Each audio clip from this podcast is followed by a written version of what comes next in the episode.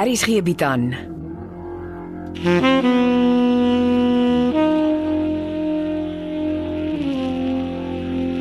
Beproeving deur Jo Kleinhans.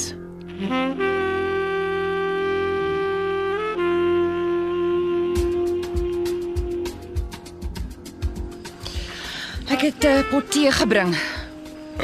Ek is nog van tee. Drink jy maar. Ek gaan. Uh, wil jy nie maar gaan lê nie? As ek lê wil ek nie opstaan nie en as ek op is wil ek nie gaan lê nie. Ja, jy moet dringend by 'n kopdokter uitkom. Dis geldmors. Jy kan nie so aangaan nie. Ek Soek nie jou goedkoop jammerte nie. Dis nie cheap nie en dis nie jammerte nie. Ek loop al heeldag lank en worry oor hoe om jou te help. Los dit. Jy kan nie, niemand kan nie. Ek moet myself uitsorteer. Want volgens jou het ek nie die regte pedigree om mense te help wat suffer nie. Dis nie wat ek gesê het nie. Straatvroue kan vreeslik goed tussen die lyne lees. Onthou, dis ons speciality. Sweetness, waarheen neek jy nou? Ek traai om in jou donker gat te klim sodat ek kan sien wat in jou kop aangaan. Los my net uit. Ek moet self my dinge uitsorteer. Al dit lyk nie of jy wen nie. Ai, sweetness. Man, Susara en goed begin was my hele lewe. Ja. En nou sit jy sonder jou plaas en jou Susara wil ook nou maar nie tot rus kom nie. Hoe het ek al die jare die goed misgekyk, ek vra jou. Oh, die portret smokkel met jou kop. Onthou, jy het nog nie 'n enkele stukkie evidence gekry nie. Susara kuier langer as 2 jaar.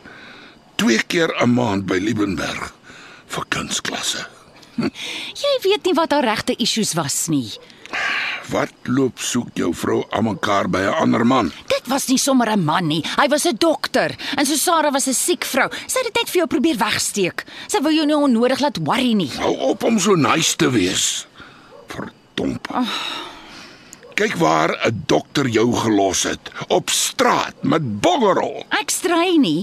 Ek het nie vir Susara geken nie, maar ek sukkel om te glo sy was die tipe vrou wat op die sideline paintings vervals het.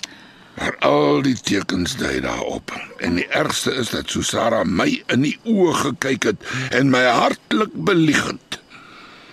Ek sukkel om dit te aanvaar. Morkel nie naby ja, maar nie my Susara nie. Dalk het julle dogter se dood haar laat knak. Elisma se dood het nooit ophou spook by haar nie. En Ja, boonop moes sy elke dag in Konrad vaskyk. Die liegkind het sy hom sommige aande in die kamer genoem as ons twee alleen was. Want jy en Morkel se lieg oor Konrad het soos kanker aan haar gevreet. Ja, sy het my daaroor kwaliek geneem. Ek het die verwyte na oë gesien. Sy het dit naderhand nie eers probeer wegsteek nie. Ja, dis die probleem met gister se spooke. Hulle kuier sonder om genooi te word. Verdomp ja. Dinge tussen my en Dawie het destyds geblom. Ons het gepraat, gedroom, beplan. Ons het in môre geglo, okay? Na Elisma se dood het Susara selde of ooit oor môre gepraat. Dis of haar dae saam met Elisma se dood gestop het. En toe skielik out of the blue, die stiltes, die dowwe oë, die gemompel, hy's iewers nodig, eers bedags, toe snags, tot net sy foto op my speelkas en die gat in my hart oorgebly het en, en die gat in my beursie. Dit is wragtig nie hoe ek Susara wil onthou nie. Vir wat is die lewe so skielik so ongeskik met my? Ons order nie die goed nie, hulle gebeur van self. Susara se dood was erg genoeg. Liewe magtig. Ek het nog al die naskokke ook nodig nie. Draai om die goeie tye te onthou. Druk die skewe gedagtes een kant toe.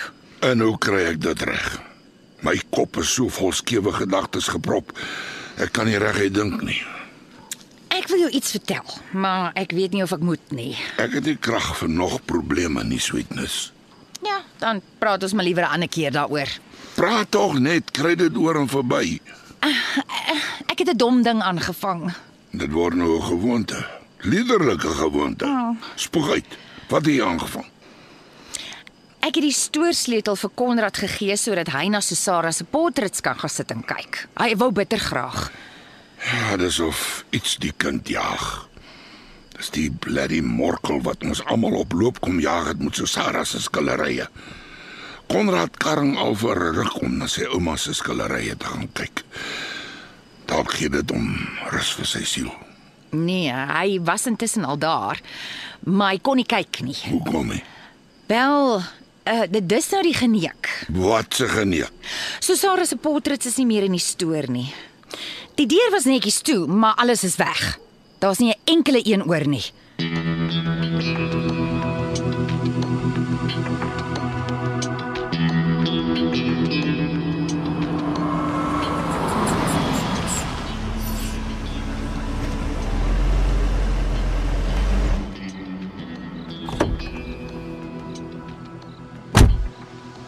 Liewe tyd, ek dog ek kom nooit huis toe vanaand nie. Damn it. Hoe laat skrik dokter my nou? Die restaurant was besig. Jy werk jou vrek vir peanuts. Eh, Die tips is goed. Pas op vir armsaligheid. Het jy al gehoor van mik hoog, reik na die sterre of laat jou gene dit nie toe nie? Ek weet waarheen ek op pad is, dokter. Ek kan raai. Dis bed, universiteit en peanuts by die restaurant. Moet baie opwindend wees. Het dokter al die pad hiernatoe gery om my te kom insult. Ek is hier om jou 'n kans te gee om 'n jaar se restaurantvoetjies in 4 dae te verdien. Ek kan nie sommer van die restaurant af wegbly nie. Mag jy siek wees. Hoe bedoel dokter nou? Ek dog 'n goeie begryper het 'n halwe woord nodig. Skus, ek is taamlik gaar. Ek boek jou af vir 'n paar dae. Ek sal môreoggend 'n siekbrief vir jou baas by die restaurant stuur. Ek het klasse. Wil jy geld maak of nie? Eh, Enige student soek altyd iets ekstra. Ek neem aan jy weet iemand het gisteraand vir Wiekesnel amper doodgeskiet. Ja, is blykbaar 'n vrou. En maar loop ek regtig nie, dit was my dogter nie. Cindy sal nooit so iets doen nie. Hoekom nie? Sy haat haar pa en hy hou aan om haar te verpes. Nie Cindy nie. Uh so, hoe kan ek daai geld maak waarvan dokter gepraat het? Ek is bly om te hoor jy raak gefokus. Nou ja. Nel het vir die kunsateljee pakkies in die groter stede afgelewer. Ja, ek hoor dis skilderye. Uh, Nel se mond is heeltemal te los. Gewonder hy is geskiet nie. Uh, dis maar net wat ek gehoor het. Ah, Ek weet nie wat die waarheid is nie. Dis wat hy vir Cindy vertel het en sy het jou natuurlik weer ingelig. Nel moes môreoggend in die pad gevalle Durban toe. Vanaf Durban moes hy eers pakkies deurvat Richards Bay toe. Dan moes hy ook pakkies in ons Londen aflewer. Dis 'n stywe 4 dae se ry, maar die kunsateljee sal dit vir jou die moeite werd maak. Hoeveel betaal hulle? Jy ry met ons bakkie. Ons reël jou slaapplek, jy kry petrol en tolgeld plus R10000. Uh waarvan die ontvanger nie weet nie. Uh, dit klink na 'n bargain. Ek reël jou sieke sertifikaat en laat dit by jou baas aflewer. Hoe laat moet ek waar wees? Môreoggend 5uur by die kunsateljee. En Ek stel voor jy ry met 'n huurmotor kunsateljee toe. Ons het nie parkeerplek vir jou motor nie. 5 uur by die kunsateljee. Dan moet ek gaan pak. Nag dokter. Bly gefokus en moenie droog maak nie.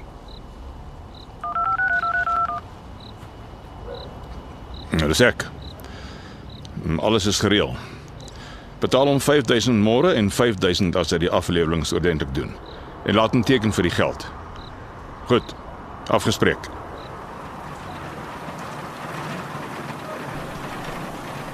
Vertel my alles wat gebeur het. Ek sê jou, die polisie het my op kampus kom haal vir ondervraging oor my pa. As ek net kan uitvind hoe laat die skietery gisterand was. Ek, ek was vroeg aan by my fundraiser. Maar hoekom wou die polisie met jou praat? Dink hulle jy het hom geskiet? Ek kry nie die detail uit hulle uit nie, maar hulle het vir my 'n solid 2 ure lank ondervra. Ons beter hoop die media kry nie snif van die neus nie. Jy bedoel miskien gooi hulle my uit die TV-reeks nog voor die vervulling begin het. Ons bly positief. Probeer, maar ek sukkel. Dink jy nie hulle was eers by jou stiefpa nie en toe pak hy dalk die skuld op jou nie? Volgens die koerante was die skieter 'n vrou. Maar miskien het dokter Becker die polisie in jou rigting gestuur. Hy is mean genoeg om dit te doen. Miskien. Maar ek het jou nog nie vertel hoe my dag begin het nie. Nog bad news. Ek stop vanoggend vroeg by die kindersorgsentrum en raai wie se motor staan voor die huis. Wie? Morkel nie nabersin. Maar dis mos net Amelia wat daar is. Presies. Ag nee, sies man. Ek het net my kop geskit en gery. Ek dog dan hulle kan mekaar nie verdra nie. Een ding is seker, jou pa het beslis nie heeltemal verander nie. Hmm, En lyk my Amelia ook nie. En my pa is supposed om verloof te wees. Kyk hoe laat is dit. Ek ek moet waai. Wat gaan die polisie nou doen? Ek weet nie. Hulle sê aan mekaar dis net 'n roetine ondersoek. By tye het ek die idee gekry die adjutant wil eintlik vir my sê, "Ag juffrou, erken tog net dit was jy want ek sou hom ook geskiet het as hy my pa was."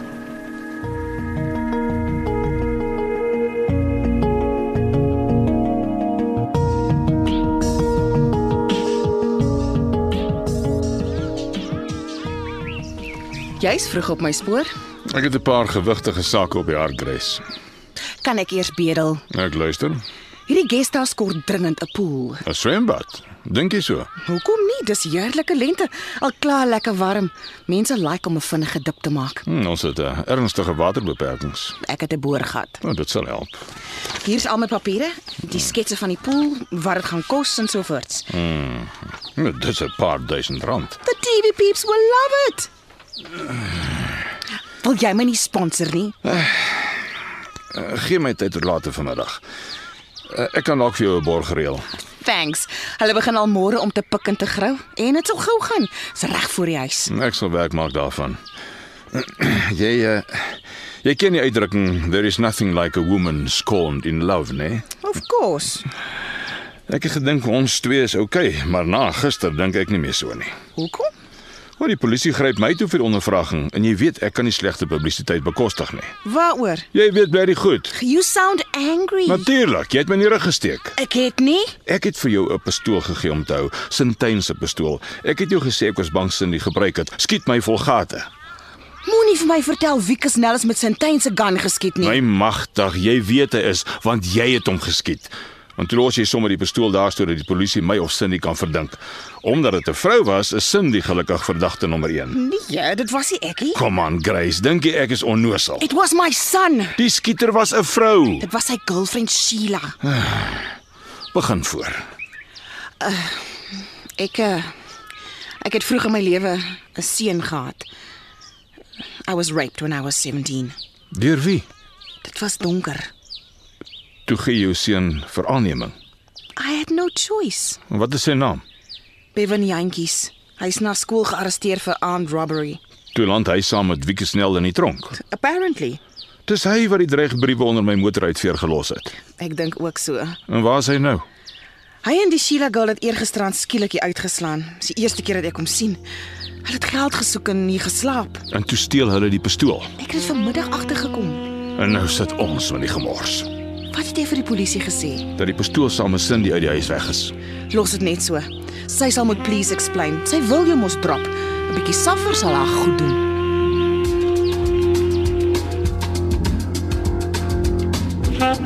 Beproeving word geskryf deur Jo Kleinhans. Evert Snyman Junior en Bongwe Thomas baartig die tegniese versorging en die storie word in Johannesburg opgevoer onder regie van Renske Jacobs. Besoek www.rsg.co.za vir alles wat jy wil weet oor die storie en die karakters.